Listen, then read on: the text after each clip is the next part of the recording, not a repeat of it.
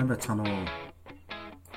Өмнөх хичээлүүдээр бид нэр бүтээмжийн хүчин зүйлүүдийг авч үзсэн. За мөн сэтгэл зүйн хэв шинж, интроверт, экстравертийн тухай үзсэн байгаа.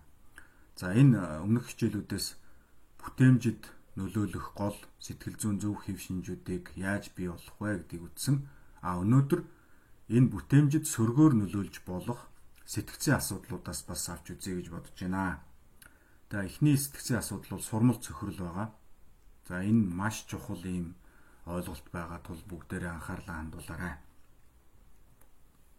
Би өмнө нь сэтгэл зүйн хид хідэн гол урсгал одоо тулгуур багнууд байдгаа гэж хэлж байсан.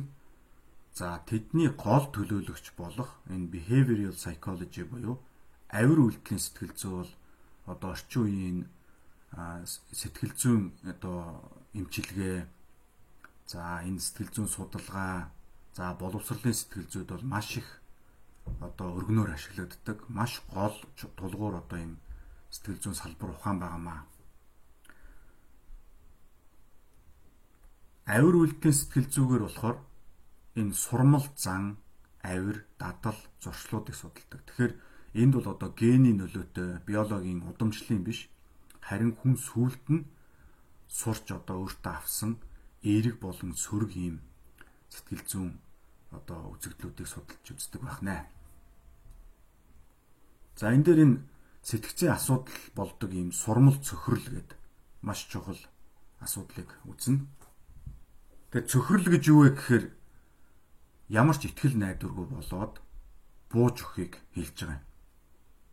Одоо жишээлбэл маш хүнд нөхцөл байдалд орсон хүн бол тэрнээсээ гарах гэж зүтгэн штэ. А цөхөрсөн хүн бол яг үхээр ямар ч гарах оролдлого хийхээ болоод хувь заяатайгаа эвлэрнэ гэсэн үг.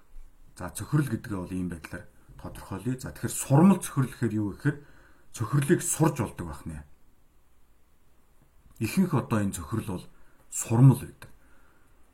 За тухайлбал ядуу хүн байж болно те. Ядуу хүн за би л одоо юм ядуу төрөх хувь заяатай байлгүй дээ гэд бүтээмжээ нэмэгдүүлж боломж хайж ядуурласаа гарахын төлөө оролдохоо байхыг сурмал цөхрлөө гэж сурж гинэ гэсэн.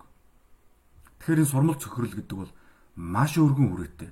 Зөвхөн хүүхдийн боловсрал гэлтгүү улс үндэстэн за ажил мэрэгжил маш олон талд одоо ажиглагдж идэг харагдж идэг ийм сөрөг үзэгдэл байна.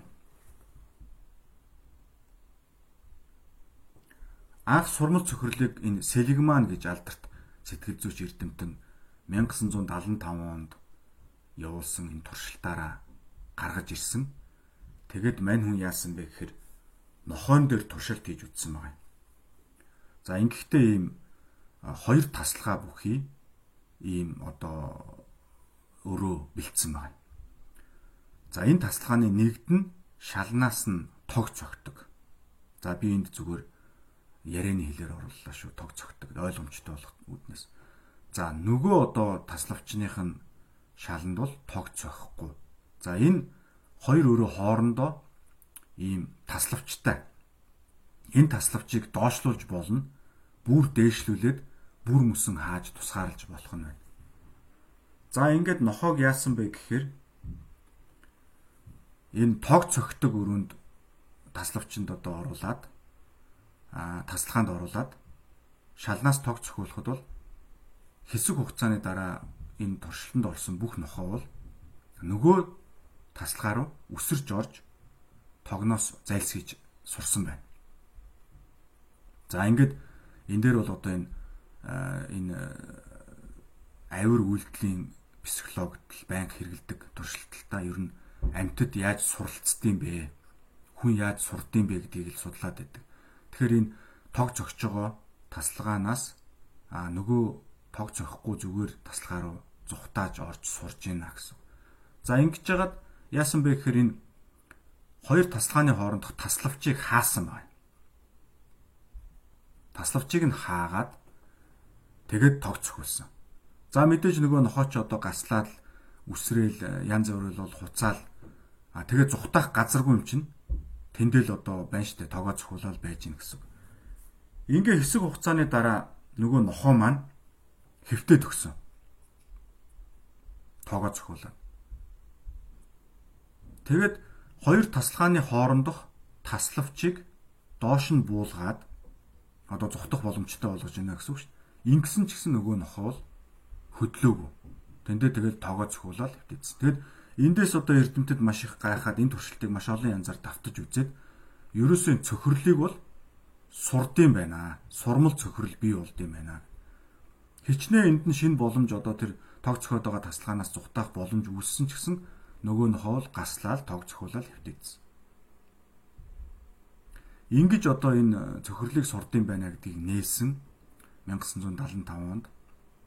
Үүнээс хойш бол мэдээж одоо эрдэмтэд яагаад энэ амтныг туршаад байдаг вэ гэхээр хүн болон энэ амтны тархины бүтц бол үндсэндээ яг адилхан шүү дээ. Хүнийх арай илүү нарийн ширхэгтэй болохоос биш яг адилхан. Ингээд амтан дээр ингэж гарч байгаа юм чи хүн дээр яаж яана гэж туршихаар мэдээж одоо энэ нийгэм даяараа сурмал цөхрөл гэдэг юмнаас болж одоо зовж шаналж ядгийг бол олж илрүүлсэн байх За тэгвэл амьдралд одоо байж болох үе олон янзын юм яриха болоод нэгэнд одоо эцэг эхчүүдэд голцоо хандсан ийм зүйл учраас хүүхдүүдэд одоо яаж нөлөөлдөг юм бэ гэдгийг ярив. Тэгэхээр энэ асуултыг та бүгд харж байгаа. Таны хүүхэд аль салаанд суудаг вэ? Тэгэхээр миний ойлгож байгаагаар Монголд бол яадаг вэхээр он сурдаг хүүхдүүд нэгдүгээр салааны урдуур, хоёрдугаар салааны урдуур суудаг. А муу сурдаг сахилахгүй хүүхдүүд гуравдугаар салааны хойгоор суудаг. Ер нь одоо ихэнх ангиуд тийм л байгаа. За мэдээж тэрэн дотор одоо онцгой тохиолдол тухайн багшийн ур чадвараас одоо хамаарсан сэтгэл зүг ойлгодог ийм багшийн одоо ажиллаж мэдсэн тэрнээс хөгжүүлсэн ийм юмнууд бол байхыг үгүйсэхгүй. Би нийтлэг л юм ярьж байна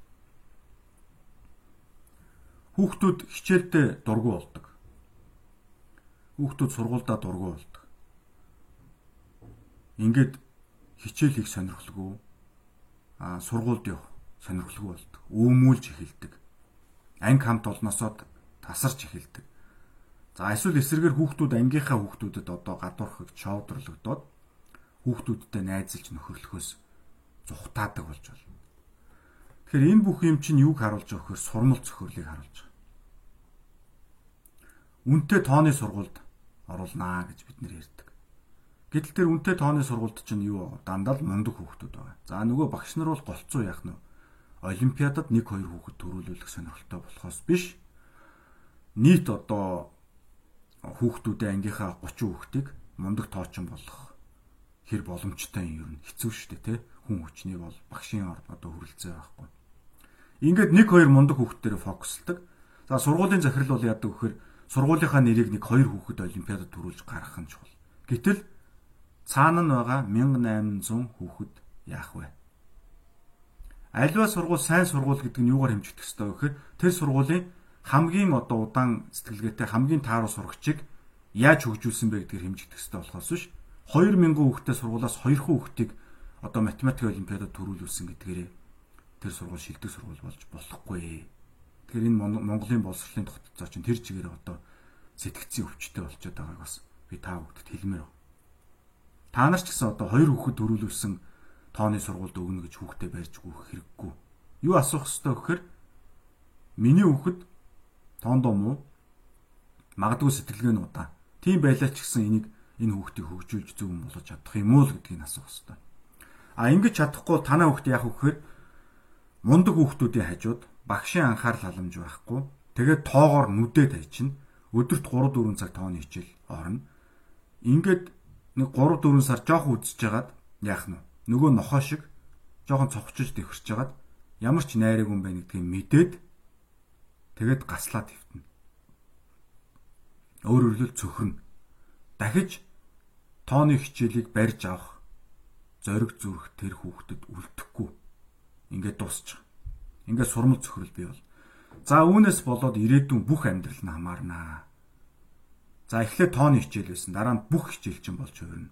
Тэгээ ер нь амьдрал болж болно. Аливаа сорилтууд одоо ямарваа нэг одоо бэрхшээлийг шийдэх те бизнесийн ертөнцид гараад компанид ороод ингээд ажиллах энэ бүх юмнаас цөхрөөд хоошоогоо суугаад за би чадахгүй угаасаа дийлэхгүй. Гэл ингээл хоошоогоо тэр нохоо шиг Тэгэд эрүүлэр ерөөсөө сэтгэж чадах юм. Тэр хажуудалд нь шинэ боломж нэгдээд байгааг олж харж чадахгүй. За тэгэхээр зөвлөмжтэй орё. Та бүгд одоо энэ ямар аимшигтай юмны тухай ярьж байгааг бол та бүгд бол ойлгож байгаа. Тэгэхээр муу багштай сэтгэл зүйн суурилсан боловсролыг сайн мэдэхгүй ийм сургуульд одоо та хүүхдээ өгвөл тэр бол тархины нядалгаа явуулна шүү. Тэр бол тархины нядалгаа бол.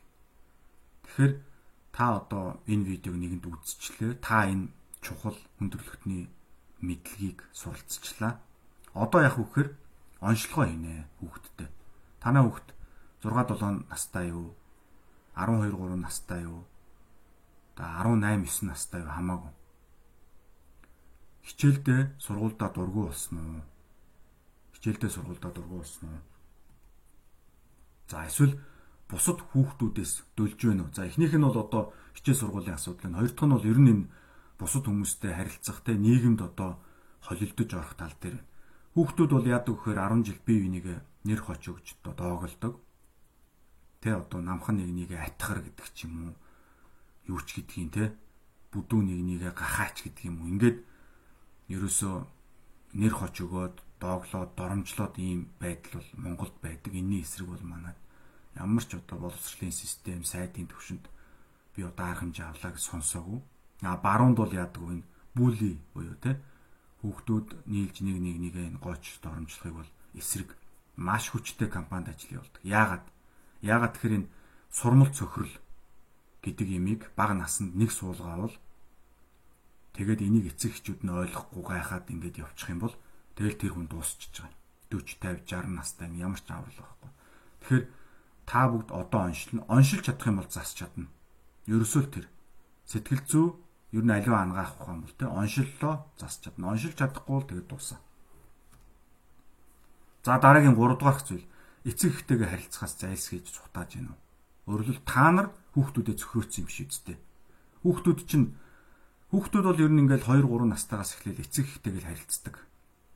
Багшаас өмнө ангийнхныхаа өмнө бол тэр Эрик Эриксний төлөвшлийн үе шатуудыг та бүгд харсан шүү дээ. Эцэг эхтэйгээ харилцсан. Гэтэл хүүхдүүд юм асууж эхэлдэг. Энэ яадгийн, тэр яадгийн, хүүхэд танаас гардгийн, тэ? Одоо хүн үхтий юм уу, үхтгүй юм уу? Ингээл асуугаад эхэлдэг. Тэгэхээр нь эцэг эхчүүд яадгүй. Жог хүүхд гэж ийм бити асуучих. Би ажлаас ирээ ядарч जैन цаашаа яв. Тоглоомороо тоглол. Ингээд нэг сайхан 3 сар үдтэй хүүхдтэйгээ тэгээ хүүхд чинь сурмал цөхрөлтэй бол дахиж цанаас юу ч асуухгүй. Тэгээ та 14 5 нас өрсөн гайхаад л одоо тий энэ хүүхдүүд яста сони юм аа. Ерөөсөө юм аа надтай ярихгүй юм аа гэд ингээд тэнэг хүн шиг юм тэнэг юм яриад сууж идэг. Тэгээ энийг бол таал тарьж. Таал цагаан цаасан дээр юм битсэн хүн шүү дээ. Таал тэр зөөлхөн шаврыг хэвэнд оруулж сутгасан хүн чинь та авахгүй юу? Тэгэхээр хүн алдаа гаргаж болно. Та алдаа гаргасан байж болно. Тэгвэл зас.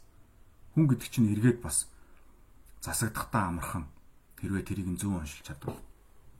За ингээд ийм гурван зүйлийг би анхааруулж хэлж байна. Эцэг их үе тэнгийн хүүхдүүд эрдэм ном гэдэг гурван юмнаас сурмал цохирол үүссэн байна уу гэдгийг үзэх хэрэгтэй. За ингээд танаа хүүхд чинь 13 дүүрэгтэй. Магадгүй 6 настайдаа нэг тооны сургуульд ч юм уу хаан чинь эсвэл нэг хүүхдүүд дээрлэгдэг ийм сургуульд ороод сурмал цохирол үүсцэн өөртөө ихтгэлгүй, ихтгэл найдвар байхгүй ийм хүн болцсон. Ингээд төлөвшөөд 14 тавтай улам тэр нь батчаад явж байгаа юм биш үсттэй. Тэгээд тэрийг нь та бас андуураад интроверт хүүхэд байна гэсэн бас явж яхахыг ч үгүйсэхгүй. Тэгэхээр та яаралтай онцлогоогоо тавиад ажиглалт хийнэ гэсэн. Ажиглана шүү дээ. Ингээд 2 3 сар ажиглаад баг сургууль хичээлд тэр ангийнх нь багштай нь ярилцаад тэр хаана суудгийг юу н асуухад бол бас нэлийн гайгүй оншуулж магадгүй шүү. Тэгээ дүүн юмыг аваад бүх төрлийн багш нартай нь уулзаад алсаа сургууль дээр нь очиж ажиглахгүй юу? Гадаа сургуулийнхаа гадаа тоглож явахдаа хүүхдүүдтэй яаж харилцаж чинь те. За ингээд дахин ихтгэл найдварыг нь сэргээх ажиллагааг л яаралтай эхлүүл. Тэр цөхрөл гэдэг чинь цөхөрцөн хүн байна шүү дээ. Ерөөсөө ихтгэл найдвар болцсон. Тэгэхээр боломж байна гэдгийг баг багаар дасгалжуулж ихтгэл найдварыг нь айжм айжмаар эхлүүлнэ. Тэгэхээр айжм айжмаар гэдэг үгийг ойлгох ойлгох хэрэгтэй. Энийг бол одоо аа ер нь бол юу гэж хэлэх вэхээр эхлээд нэг жижиг юм дээр хийж чаднаа гэдгийг өөрт нь нотолж харуулна гэсэн үг. Тэгээд тэрийг ахиулаад явна гэсэн л ийм л ойлголт байна. За ингээд өнөөдөр бид нар одоо Селигман профессорын маш юм чухал хүндрэлтөнд сэтгэл зүйн ухаанд ийм ахис дэвшил гаргасан энэ авир үйлдэлийн психолог гэж маш чухал ухааны ойлголтыг ярьлаа. За та тэгэд мэдээж уламжлал ёсоор цааш нь хэрэгтэй хүмүүс шеэрл энэ бол одоо ямар нэг ашиг одоо хойно ямар нэг бараа бүтээгдэхүүн бизнес нөхцсөн юм бишээ. Энэ бол Монголын бүх хүүхдүүдийг дэлхийд тэргүүлэх ийм элит лидерүүд болгох тэр цагийг наашлуулах зорилгоор хийгдэж байгаа видео. Та таны энд миний үүрэг бол одоо видеого хүргэнэ. Таны үүрэг бол энийг цааш нь хэрэгтэй хүмүүс тараа өөр дээрээ өөрийнхөө дүү дээр өөрийнхөө хүүхдүүд дээр энийг хэрэгжүүлж сайн хүн болох хэвээр. За амжилт хүсье. Баяр таа.